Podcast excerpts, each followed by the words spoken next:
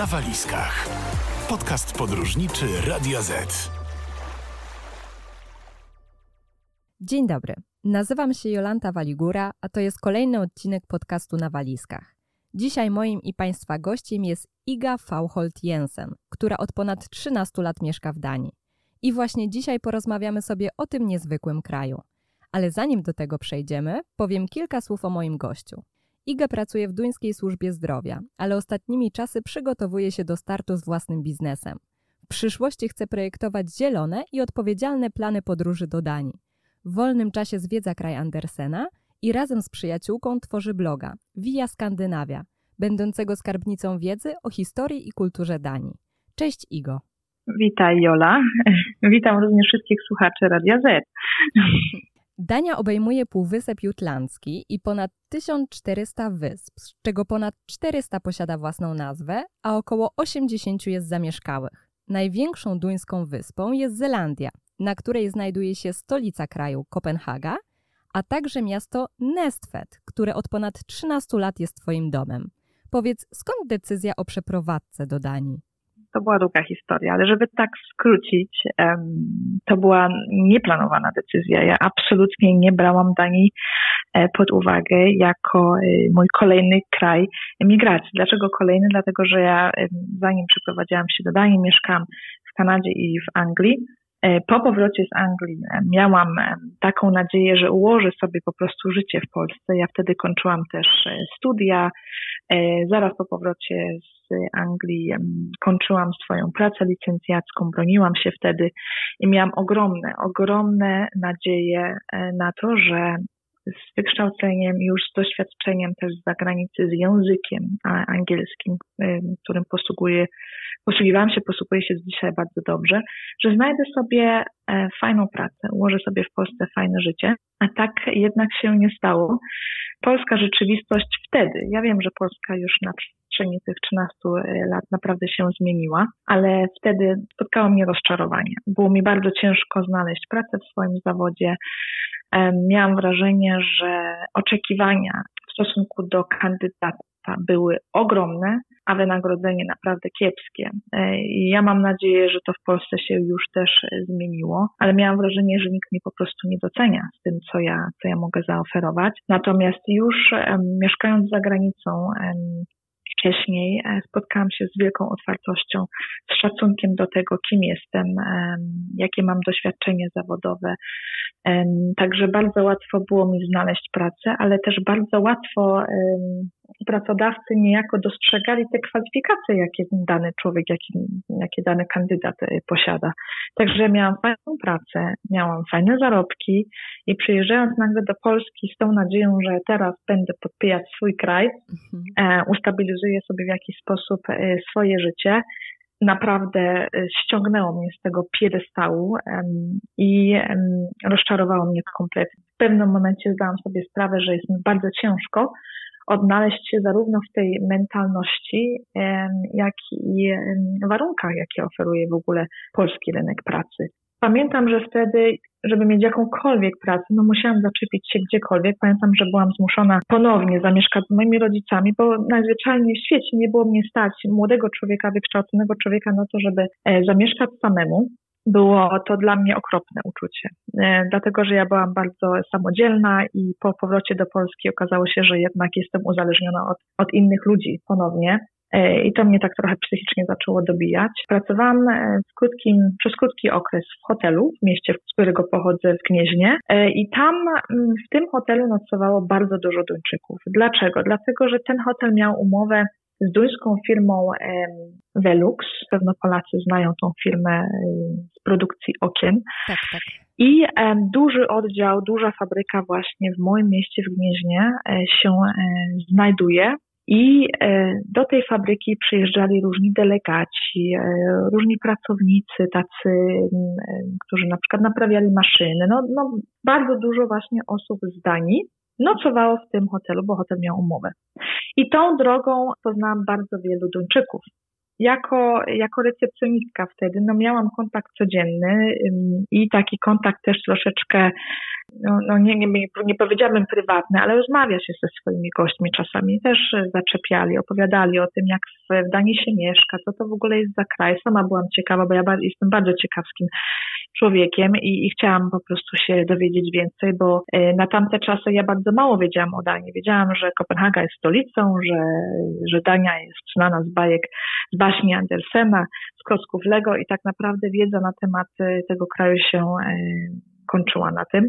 Także bardzo mnie zaciekawiło to, co to w ogóle jest za miejsce, jakie ma wartości, jak im się żyje tym ludziom. No i, i okazało się, że to jest całkiem fajne miejsce do życia. Po drodze gdzieś tam mm, zrodziło się uczucie w pewnym momencie między mną a, a pewnym Duńczykiem, chociaż przy wyjeździe w ogóle nie jak ja już zdecydowałam się na wyjazd do Danii, myśmy kompletnie nie mieli kontaktu ze sobą, ale sam fakt chyba, że ja podjęłam decyzję wyjazdu, był potraktowany tym, że ja chciałam z powrotem chyba uciec do, do czegoś bardziej um, stabilnego, coś, co może mi zapewnić lepszą przyszłość niż to, to co miałam w Polsce, tak? Mhm. E, a to, że ja jestem bardzo też, tak jak mówiłam, bardzo ciekawskim człowiekiem i ja bardzo lubię, uwielbiam poznawać e, nowe kultury. Tak, Dania e, wydawało mi się takim, wydawała mi się takim naprawdę egzotycznym, tajemniczym krajem z bardzo, bardzo dziwnym językiem. To była moja chyba największa bolączka w ogóle wtedy, właśnie język duński, ale rzuciłam się na głęboką wodę. Pamiętam, że aplikowałam wtedy w Szczecinie na stanowisko wtedy opiekuna osoby starszej. To był taki projekt, e, który Dania wraz z Unią Europejską, znaczy no z Unią może nie Europejską, ale to, były, to było finansowane wtedy te, te projekty przez Unię Europejską. Wyjechałam właśnie na taki niejako staż, który po tym, staż, po tym stażu miałam możliwość zarówno nauki w duńskiej szkole, jak i rozwoju w tym zawodzie. I pamiętam, że Dania wtedy niesamowicie, miała niesamowite braki, jeśli chodzi o E, ręce do pracy właśnie w tym sektorze i ściągało się wtedy pracowników, na ile było to możliwe, z Polski i z Niemiec.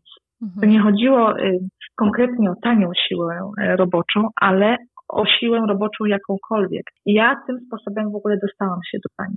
Mhm. Wspominałaś tutaj o języku, że miałaś obawy mm, co do języka duńskiego. No nic dziwnego, bo on jest uważany za jeden z trudniejszych.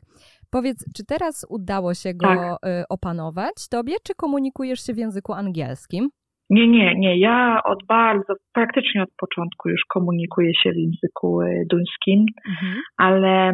Ciężko było? Jest to ciężkie. Tak, jest, znaczy to i tak i nie. Dlaczego? Dlatego, że kompleksowość języka duńskiego albo jego trudność tak naprawdę to nie gramatyka. To, to nie gramatyka sprawia, że język duński jest trudny. Jest to język e, germański, z grupy języków germańskich i jest gramatycznie bardzo podobny do języka niemieckiego i angielskiego. Także jeśli znamy już niemiecki albo angielski, to gramatyka będzie pikusiem, jak ja to mówię. Tu chyba o tą wymowę chodzi. Wymowa, no właśnie. Wymowa jest zabójcza. Słuchajcie, to jest język i dużo, wielu, wiele osób mówi, że to jest taki język, jeśli ktoś słyszy to pierwszy raz, ma wrażenie, że Duńczyk ma ziemniaka w buzi, albo że za chwilę zwymiotuje, bo to są bardzo dużo dźwięków pochodzi z gardła i to jest takie i takie mhm. ma się wrażenie, że ten człowiek zaraz jakiegoś pawia tam puści. Tam mhm. naprawdę ja miałam takie, to były moje pierwsze takie spostrzeżenia i wrażenia. Mówię, Boże Święty, oni się zaraz tutaj złamią ci, mhm. ci Duńczycy, bo taka ta mowa jest. Dużo dźwięków w ogóle nie istnieje w języku polskim. Tak samo dla Duńczyka język polski jest nie do, nie do przerobienia, bo mamy tak różne dźwięki, litery, że, że to jest największe wyzwanie właśnie mhm. dla Polaka. No, to jest ta wymowa. Ja tutaj zdradzę, że przed naszą rozmową właśnie e, zapytałam Igę, czy mnie zapodłuczy tutaj i przyznaję, to było nie lada wyzwanie. Jest, jest faktycznie i ja powiem tak, tego języka da się nauczyć, ale to wymaga niesamowitego samozaparcia. Słuchasz podcastu Radio Z. Dania jest jednym z najszczęśliwszych krajów na świecie. W tegorocznym rankingu World Happiness Report po raz kolejny zajęła drugie miejsce. Wyprzedza ją tylko Finlandia. Dla porównania Polska w najnowszym zestawieniu uplasowała mm. się dopiero na 48 pozycji. Zgodziłabyś się z tym? Czy ty czujesz, że żyjesz obecnie w drugim najszczęśliwszym kraju świata? a mówię obecnie, bo Dania wielokrotnie zajmowała też pierwsze miejsce. Tak, ja czasem dziwię, dlaczego ci Duńczycy czasem tak narzekają i na to narzekam. Chociaż nie, no to nie są takie narzekania w stylu, w stylu polskim, ale, ale tu się naprawdę dobrze żyje, Jola, bo widzisz, dopóki, ja to za, ja powtarzam zawsze, że dopóki e, żyjesz w kraju, który ciebie szanuje i szanuje te wartości, które masz, to jest, niewa- to, jest, to jest nieważne, czy to jest Polska, czy to będą Niemcy, ale jeśli te twoje wewnętrzne wartości są e, spotykane z szacunkiem, będzie ci dobrze, po prostu. Dania takim krajem jest. Mhm. Ja od razu, nie, ja nie chcę tutaj jakiejś gównoburzy wywoływać, bo, bo to nie o to chodzi, ale wiesz, takie dla mnie kwestie typu właśnie tolerancja, stanowisko kościoła, wszystkie te kwestie takie, które w Polsce są napiętnowane bardzo. Mhm. Wiesz, tutaj jest ogrom miłości i miejsca na te sprawy. Nikt nikomu nie zagląda do łóżka, nikt nikomu nie mówi, jak ma żyć. Kościół nie mówi, że jesteś gorszym człowiekiem, bo kochasz inaczej. Wiesz, to jest, to są dla mnie tak podstawowe wartości i te wartości są tutaj najzwyczajniej w świecie szanowane. Ja, ja kocham Danię za to. Ja się tutaj czuję dobrze, bo ja wiem, że jak że moje dziecko by się urodziło takie, a nie inne, to nikt to po, po prostu mu tej przykrości w życiu nie sprawi, tak? Mhm. Nie będzie odsunięta na dalszy plan czy na bok, bo jest inny, bo kocha inaczej, bo wygląda inaczej, no cokolwiek, prawda? Poza tym e, Dania jest bogatym krajem. No, no nie czarujmy się, ale Dania jest krajem bogatym. Tutaj jest bardzo dobry socjal i, i te kwestie sprawiają, że Duńczykom najzwyczajniej w świecie żyje się dobrze. Oni nie muszą myśleć o tym, co wrzucą do garnka następnego miesiąca. Wiesz, jest też takie ogólne zaufanie do rządu. Bardzo wa ważna kwestia, wiesz. Tutaj nie dyskutuje się polityki, Jola polityka jest abs absolutnie nie jest pierwszym tematem wśród, wśród Duńczyków. Większość, jakieś 80% ma dość spore zaufanie do rządzących, a to jest naprawdę sporo. No moim tak, zdaniem. Pewnie, pewnie. Jakoś nie podważa tej polityki rządu. Oczywiście są kwestie, które nas będą dotykać mniej lub bardziej. Wiesz, też to zależy w jakiej branży e, pracujesz, w jakim zawodzie. Na przykład teraz służba zdrowia jest e, dotknięta tutaj w Danii. My naprawdę przechodzimy ogromny kryzys. Wiesz, także ta grupa zawodowa oczywiście ma jakieś, e, ma jakieś tam problemy i, że tak powiem, no nie jest zadowolona z warunków, jakie teraz panują w służbie zdrowia. Ja też nie jestem zadowolona. To jest coś, co jest priorytet, priorytet priorytetem teraz e, na, na liście polityków e, naprawić tą służbę zdrowia najzwyczajniej w świecie, ale ogólnie jest nam tu dobrze. Mhm. Jest nam tu dobrze. Właśnie po prostu. Skoro już rozmawiamy o, e, o szczęściu w Danii, chciałabym też z Tobą porozmawiać o, i uwaga teraz, Huge. Dobrze? Tak, prawie dobrze. Huge. Hygge. Hygge. Czyli takiej duńskiej filozofii szczęścia, sztuce dobrego życia. Jak ty byś wytłumaczyła naszym słuchaczom, czym jest Hygge? No i co najważniejsze, tak. jak żyć według tej duńskiej filozofii? Wiesz co, Jola, jak ja pamiętam na początku tutaj swojej emigracji, zapyta, zapytałam się swojego partnera, co to jest hygge? Ja wiesz, ja to hygge to ja słyszę codziennie. Mhm. Bo coś jest hygge, bo coś jest hyglit, bo bliskie hygge, że musimy się hygować i tak i siak. Ja mówię, co to w ogóle jest? Mówię, o co tu chodzi w tym? Duńczycy są kiepscy, jeśli chodzi o wytłumaczenie samej definicji hygge, a podejrzewam, że wynika to z tego, że dla nich jest to tak naturalne, Jola, tak naturalne, że oni sami nie, niemalże stanowią i, i kreują to hygge na co dzień. No tak. To jest wyssane, to jest po prostu wyssane z mlekiem matki niemalże tutaj. A ty masz jakąś definicję tego słowa? Ja dopiero po wielu latach sobie stworzyłam definicję hygge. Mhm. Wiesz, to, to były lata, lata spędzone z Duńczykami, lata spędzone w społeczeństwie, lata zrozumienia mentalności tego społeczeństwa. To nie jest tak, że, że przeczytasz coś w książce i ty wiesz, na czym Hygge polega, bo, bo, bo, bo, bo łatwo, wiesz, bo na przykład pamiętam, pamiętam jak Hygge zaczęło ogarniać cały świat, to wiesz, były te świeczki, były te ciepłe kocyki, y, a to nie o to chodzi, wiesz, to są tylko takie dodatki do Hygge, tak? Mhm. Um, to co jest najważniejsze? Hygge to jest stan umysłu. Jakbym dzisiaj miała opisać, czym jest Hygge, że to jest taki stan umysłu, to jest taki katarzis dla umysłu. Dlaczego? Dlatego, że hygge to jest wszystko, co pozytywne, wszystko, co sprawia, że każdy moment życia powinno się celebrować w szczególny sposób, bo to życie jest krótkie i z założenia nie możemy pozwolić, żeby to, żeby to życie nam przez palce po prostu tak przeciekło, tak? Mhm. Dla porównania, na przykład w Polsce, ale to wszystko wynika z naszej mentalności, z naszej historii, wiesz, tutaj tu, tu, tu nie chodzi o to, co jest lepsze, co gorsze, ale załóżmy dla takiego statystycznego Polaka może wielkim osiągiem w życiu będzie postawienie willi, kupienie drogiego samochodu, dla niego to jest osiągnięcie jakiegoś szczęścia w życiu, prawda? A Duńczycy e, cieszą się tym, że e, dzisiaj wstało słońce, że dzisiaj ciepło, że zrobiłem sobie, czy zrobiłam sobie kubek ciepłej kawy, czuję zapach tej kawy, że poszłam do piekarni i wiesz, ten zapach tego pieczonego chleba albo tych bułek, że spotkałam się z koleżanką, którą, której nie widziałam jakiś czas temu, że tworzymy jakieś fajne relacje, że y, opowiadamy sobie, co się u nas wydarzyło w ostatnim czasie, wszystkie takie rzeczy, które wiesz, w tym pędzie życia generalnie, my gdzieś tam nie zauważamy. A chodzi o to, żeby się zatrzymać, tak? I Duńczycy są w tym naprawdę dobrze. Oni lubią się spotykać w, gronie przyjaciół, rodziny. To nie są takie może spontaniczne zawsze spotkania, bo, bo Duńczyk jest bardziej taki zorganizowany. Wiesz, to nie jest tak, że pukasz do drzwi i po prostu jesteś tam, się pojawiasz, ale jak już się organizuje wspólne jakieś spotkania, to to jest właśnie z nastawieniem, że my się musimy figować, musimy stworzyć super zajebistą atmosferę i ma być po prostu dobrze. Jeśli chodzi na przykład o, o rozmowy, to nie rozmawia się przede wszystkim o polityce, nie rozmawia się o tym, ile zarabiamy, nie rozmawiamy też o swoim szefie, o pracy i co się w tej pracy wydarzyło. To są niebezpieczne tematy, to raz. Poza tym, no Jola, kto chce podczas figowania się rozmawiać, kurde, o swoim szefie albo o swojej pracy. albo co tam, kurde, Kaczyński wczoraj zrobił. Słuchaj, jesteśmy po to, żeby stworzyć jakąś fajną atmosferę, a nie kurde rozgrzebywać jakieś, wiesz, jakieś skandale, czy, czy, mhm. czy żeby się narzekać na, na, na to, to, co tam nas, nas w życiu denerwuje i co nas spotyka.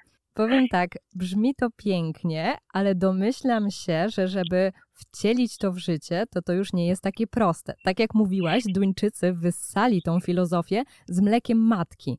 A ty jako Polka, która mieszkasz w Danii, długo tak, musiałaś się tak. tego uczyć? Czy teraz czujesz, że żyjesz według tej filozofii? Jak to wygląda?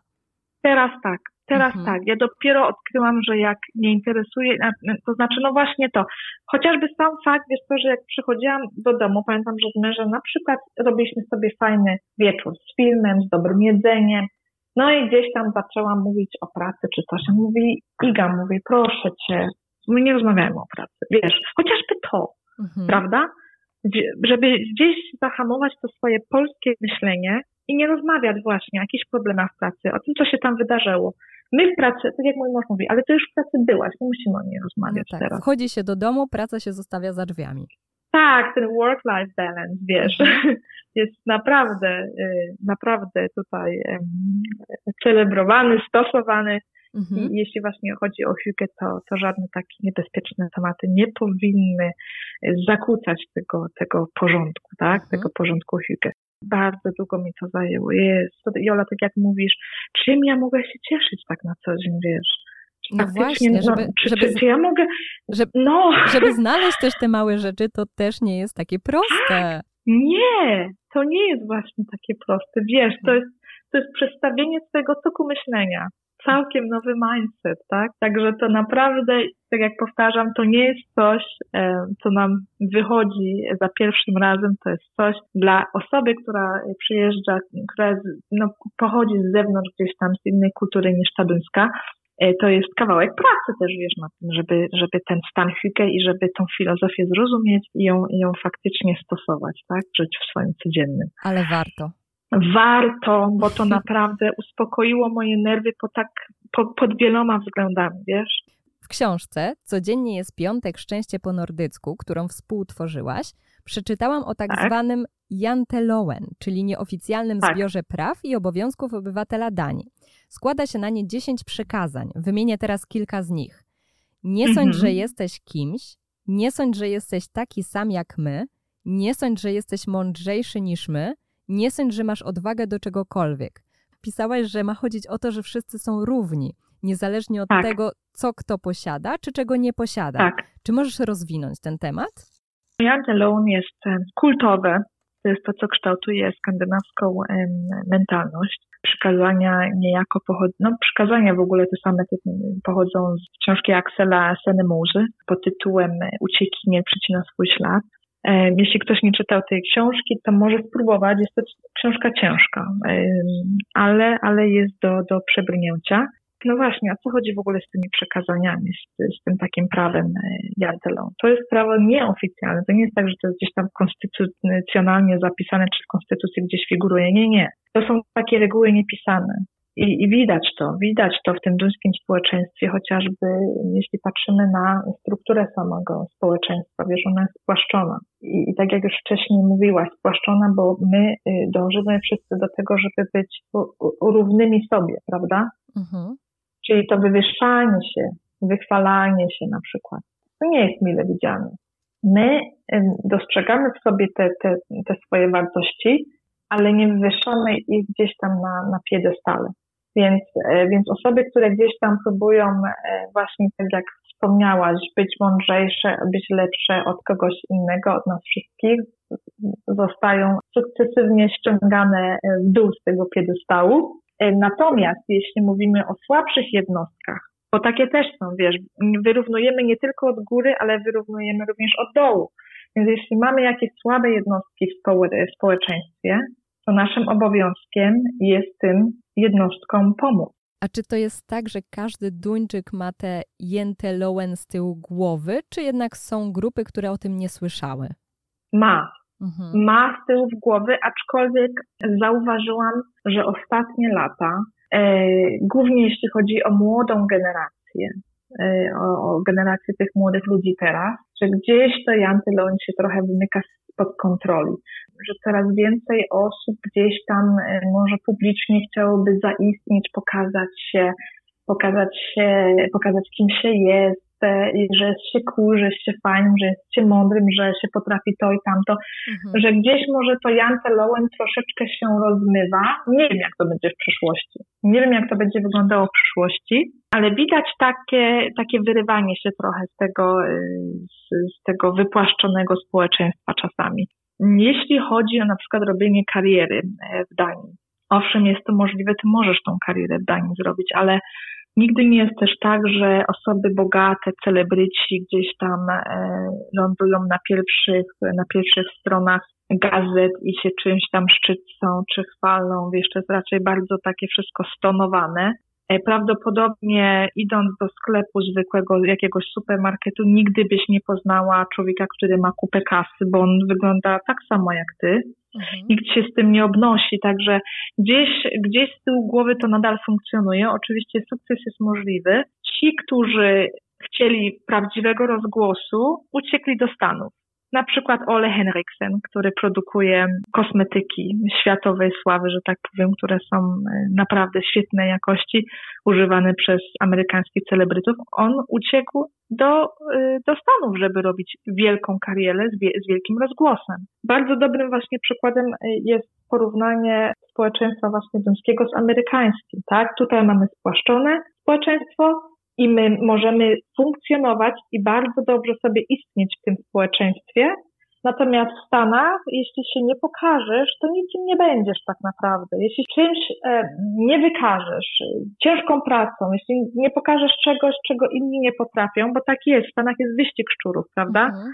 To ty nikim nie będziesz, nikt ciebie nie zauważy, nawet jeśli ci się noga potknie, to nikt ci nie pomoże. Ty jesteś absolutnie, totalnie panem swojego losu. A Mhm. tutaj mamy wspólną odpowiedzialność za to, jak te jednostki społeczne się w tym społeczeństwie czują i rozwijają. To jest Mhm. wspólna odpowiedzialność, wiesz.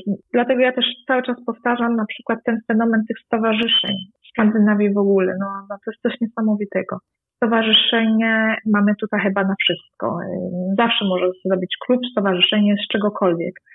Się tam spotykają i to jest właśnie mm, fajne miejsce dla tre, tre, trenowania demokracji, prawda? Tak, właśnie czytałam, że E, mieszkańcy Danii tak. są bardzo aktywni społecznie. I, Bardzo, bardzo, bardzo, bardzo. tak, i bodajże Bardzo. około 70% Duńczyków jest e, członkiem właśnie organizacji różnych stowarzyszeń, klubów.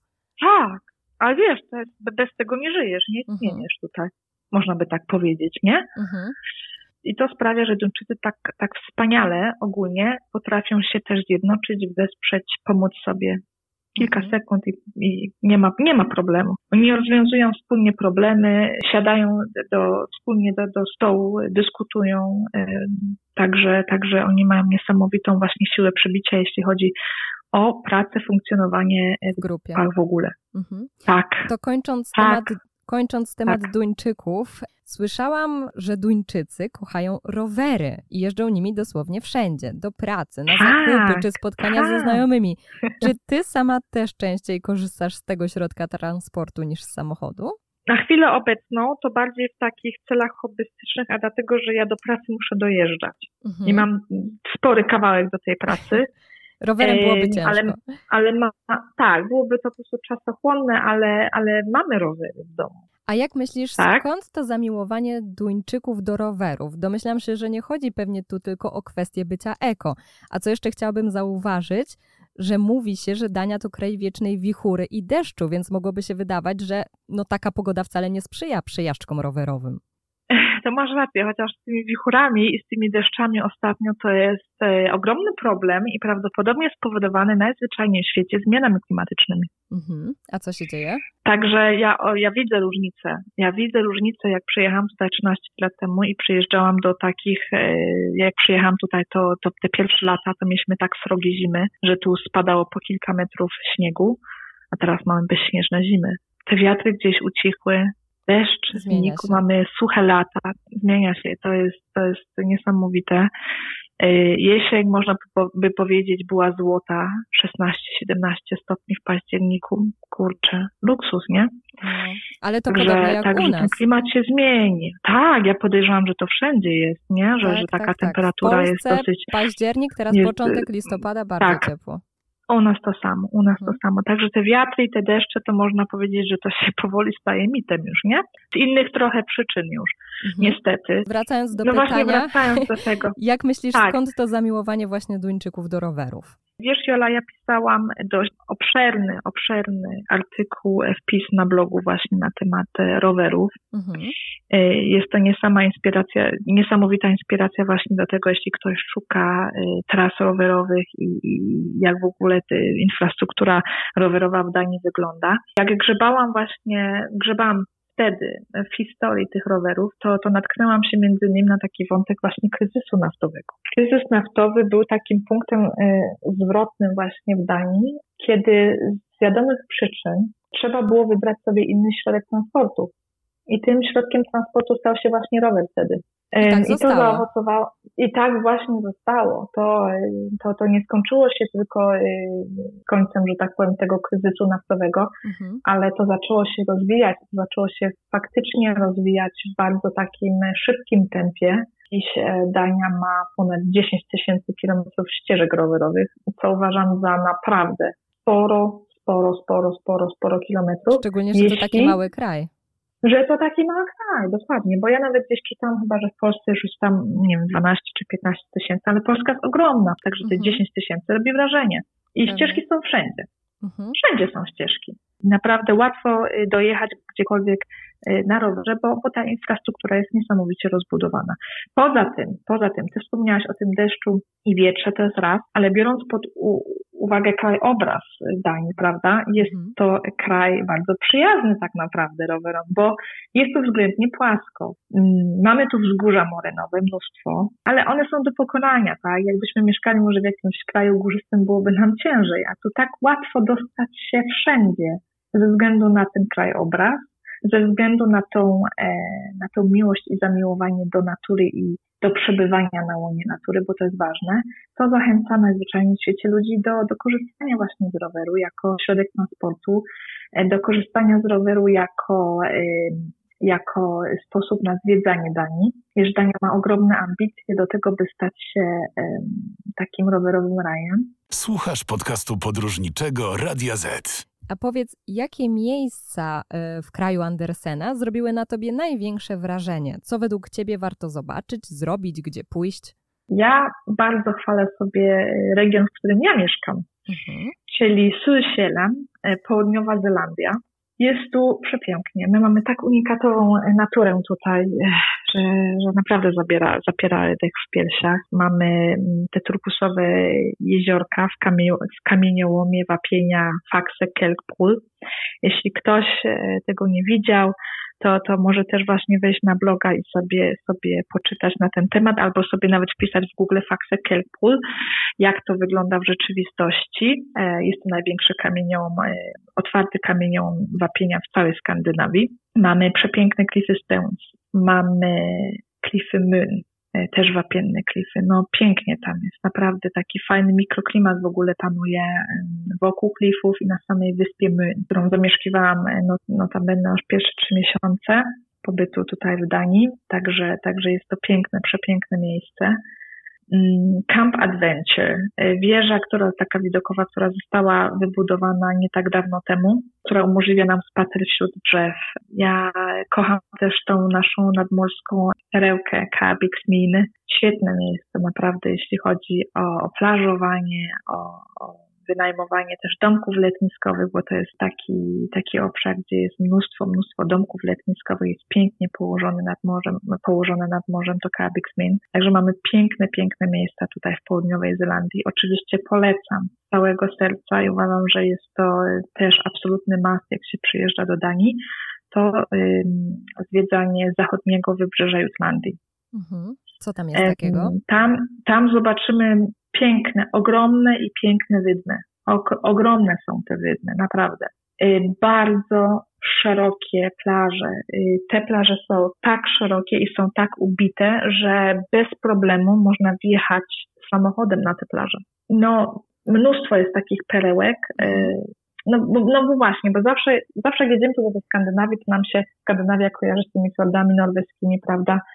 Z wulkaniczną Islandią, y, ze Szwecją, a, a Dania jest taka troszeczkę, wiesz, taka jeszcze nieodkryta, a ma mhm. naprawdę piękne miejsca. A to archipelag Fioński na przykład, y, mhm. bo, bo Dania ma przecież, tak jak na samym początku powiedziałaś, 400 różnych wysp, z czego na te 80, 80 e, zamieszkałych, na, na prawie 40 możemy się dostać promem, ale na to pozostałe możemy się na przykład dostać kajakiem, e, czy, czy, czy, czy łódką, czy motorówką. Te wyspy tutaj są naprawdę świetne, piękne są i, i każda jest unikatowa. Każda jest unikatowa, każda ma coś do zaoferowania. A co powiesz o Kopenhadze? Warto pojechać na City Break?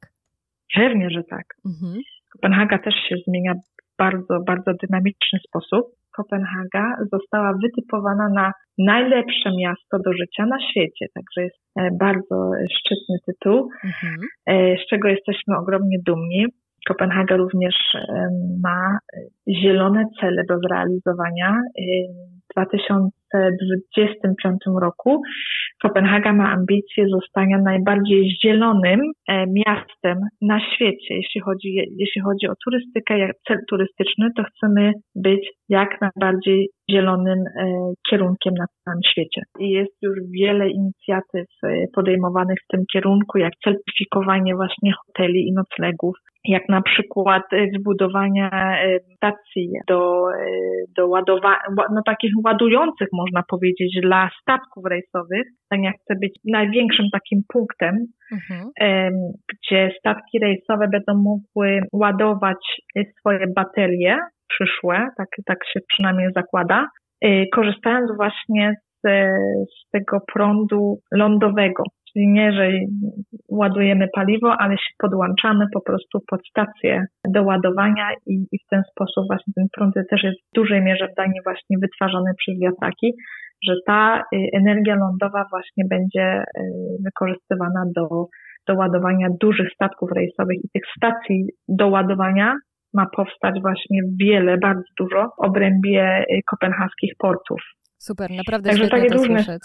Naprawdę wszystkie autobusy praktycznie zostały wymienione na autobusy elektryczne. Tak samo autobusy wodne, które jako ciekawostkę podam, zostały wyprodukowane w Polsce i zakupione w Polsce, pływają na kopenhaskich kanałach i również są zasilane na prąd. O proszę. Jesteśmy też bardzo dumni z tego, że mm, woda w kanałach kopenhaskich jest na tyle czysta, że można się w nich kąpać. W Kopenhadze mamy bardzo fajnie zorganizowany y, i utworzone kąpieliska właśnie, które Mhm. nam pozwalają po prostu z nadbrzeża skoczyć do wody i się wykąpać. Także No właśnie, fajna sprawa. A propos tej wody, to właśnie wyczytałam też, że mm, w Danii nie ma problemów z piciem wody z kranu. To prawda?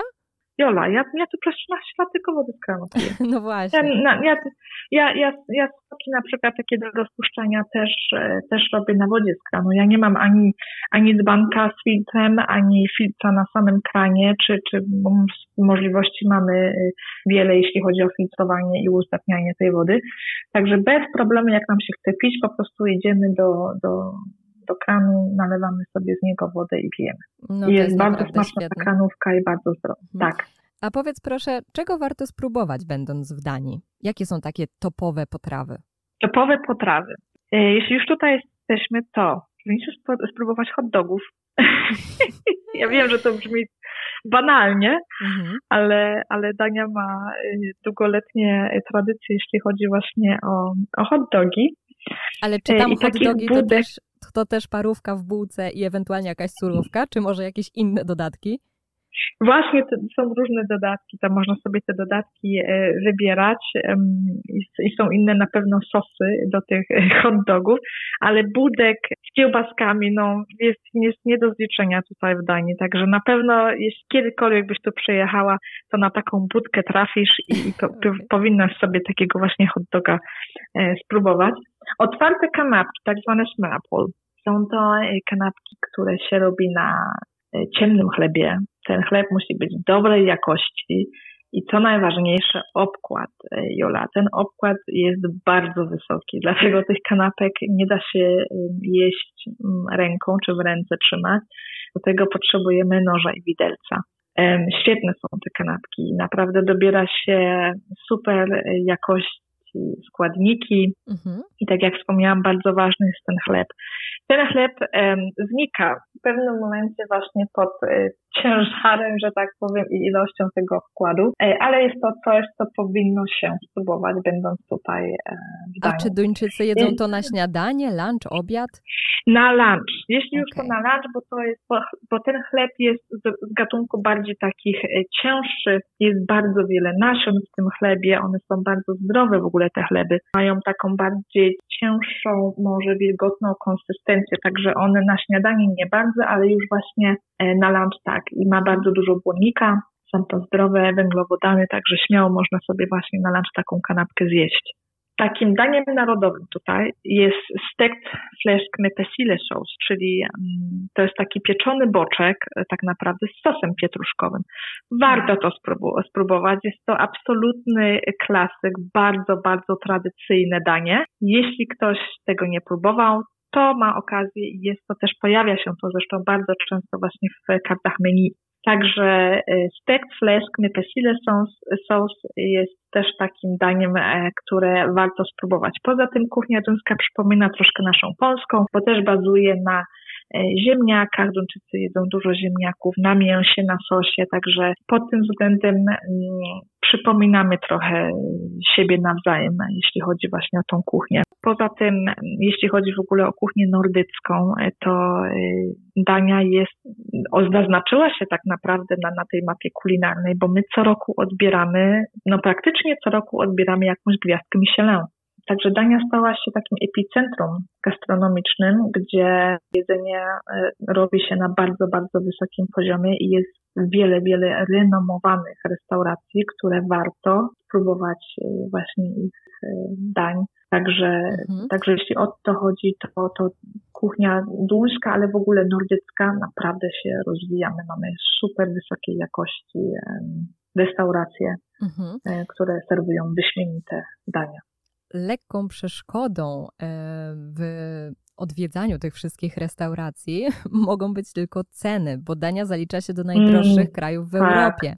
Jakbyś miała powiedzieć takie przykładowe tak. ceny podstawowych produktów, obiadu e, w średniej restauracji, atrakcji, na jaki wydatek muszą być przygotowani turyści, którzy udają się po prostu tam na urlop? W tej chwili, e, patrząc na wzrost cen, musimy się liczyć z wydatkiem zarówno w restauracji, jeśli, jeśli ja mówię teraz na przykład o takim obiedzie, nie lunchu, na przykład obiad. Tak. 150 koron plus. Od 150 w górę. Mhm. Jaki to jest nie ma ograniczeń, na, że tak powiem. Na polskie? No tak zawsze, tak zawsze 150 na pół dzielimy mniej więcej, nie? Bo, okay. bo korona, jedna korona to jakieś 55-56 groszy. Mhm. Czyli, Czyli tak obiad tak jak podzielimy ponad na połowę, 70 zł. 75, tak, mhm. tak. 150-200, tak bym powiedziała, że tak oscyluje między, między tymi 150, 150 a 200 koron za obiad. Do tego może piwo, załóżmy, czy woda gazowana, czy sok, y, to kosztuje jakieś 50 koron. Także szybko nam to leci w górę, a tym bardziej, że ceny naprawdę powinny, wywinno, zostały wywindowane w ostatnim czasie z mhm. wiadomych względów y, i nie wiemy, kiedy to się skończy, czy, czy, czy gdzie się zatrzymamy cenowo w ogóle. Jeśli chodzi o lunch, to też w okolicach 100 koron możemy się zmieścić. Okay. I te 100 koron właśnie z 90, 110, 115. Wtedy na przykład możemy kupić w tej cenie taką tą kanapkę otwartą, o której mówiłam, tym small mhm. One mniej więcej tyle kosztują. No właśnie ka kawa na przykład też 55-60 koron, nie? Mhm. Taka dobra kawa cappuccino albo kafe latte. No to jest to jednak niemały wydatek. Jest, jest. Mhm. Dużo rozmawiałyśmy o zaletach Danii, mieszkania w tym kraju, a czy życie w tym miejscu ma jakieś wady? No może oprócz tych cen? No właśnie, wady, wady, wady. Zawsze mi jest ciężko o tych wadach rozmawiać. Może dlatego, że nie są to takie wady, które mi utrudniają życie jako tako. Powiedziałabym, że, że pierwsze lata to, to właśnie te warunki pogodowe chyba były najgorsze e, dla mnie. Teraz już to się zmieniło, bo nauczyłam się, tak jak rozmawialiśmy wcześniej, o sztuki Hygge, także e, okres pogoda jesienny, jest niestraszna. zimowy, nie, nie, a, a zwłaszcza ten taki okres jesienno-zimowy, gdzie bardzo łatwo mi było popaść w jakąś depresję albo w stany depresyjne, bo faktycznie było mi ciężko, było mi strasznie ciężko przez pierwsze lata i dopiero jak już zaczęłam odkrywać to takie, tak, takie życie, hygge życie, e, że mogę sobie wyjść na koncert, że mogę iść tu, tam, czy tam, wiesz, że to, to robią Duńczycy, więc ja też muszę zacząć to robić nie, nie powiedziałabym, że, że, że, one były, że one były lżejsze dla mnie, ale przestałam zwracać uwagę na tą pogodę albo myśleć o tej pogodzie. W ogóle wiesz, samo takie nastawienie się na przecież ja nic z tą pogodą nie mogę zrobić, to po co ja w ogóle zużywam energię na rozmyślanie, czy pada, czy jest zimno, czy jest tak, czy siak. Przecież ja, ja nie mam wpływu na to. Po raz kolejny mojego męża tutaj będę, o nim będę wspominać. Dlaczego? Bo on zawsze mówi, Boże Święty, tyle narzekasz, tyle energii, mówi, zużywasz, przecież i tak z tym nic nie zrobisz. A on właśnie ma taki stosunek, no to, no pada, pada, no i co? Mam się zabić z tego powodu, strzelić sobie w no głowę. Tak. I on mnie zawsze ściągał z tych takich, wiesz, czarnych chmur myślowych, prawda? Mhm. Mówi, weź przestań, przecież to kurde w ogóle jest niewarte twojej energii. I on, miał, on ma rację, zawsze miał rację w tej kwestii. No i zaczęłam właśnie odkrywać te, te tajemnicze hygge właśnie, jak wykorzystywać to hygge też w takich okresach właśnie jesienno-zimowych. Dzisiaj mamy jesień i zima kompletnie nie jest, nie straszna. Naprawdę mhm. sobie świetnie radzimy spotykam się, spotykam się w gronie przyjaciół, chodzę na, na, na wydarzenia, odwiedzam muzea, które są świetnie zaadaptowane zarówno dla osób dorosłych, jak i dzieci. Także nie nudzimy się. Naprawdę nie nudzimy się i nam ta jesień i zima mija w bardzo przyjemny sposób tak naprawdę. Mhm, super. Bardzo dziękuję za rozmowę. Tak. Ja nazywam się Jolanta Waligura, a moim i Państwa gościem była Iga Fauholt Jensen. Kolejny odcinek podcastu podróżniczego na walizkach już w piątek. Do usłyszenia. Cześć Igo. Cześć i dziękuję wszystkim e, za, za udział. Jeśli słuchacie, to jest nam bardzo miło i dziękuję Tobie, Jolu, za, za zaproszenie oczywiście. Więcej odcinków podcastu na walizkach znajdziesz na player i Spotify.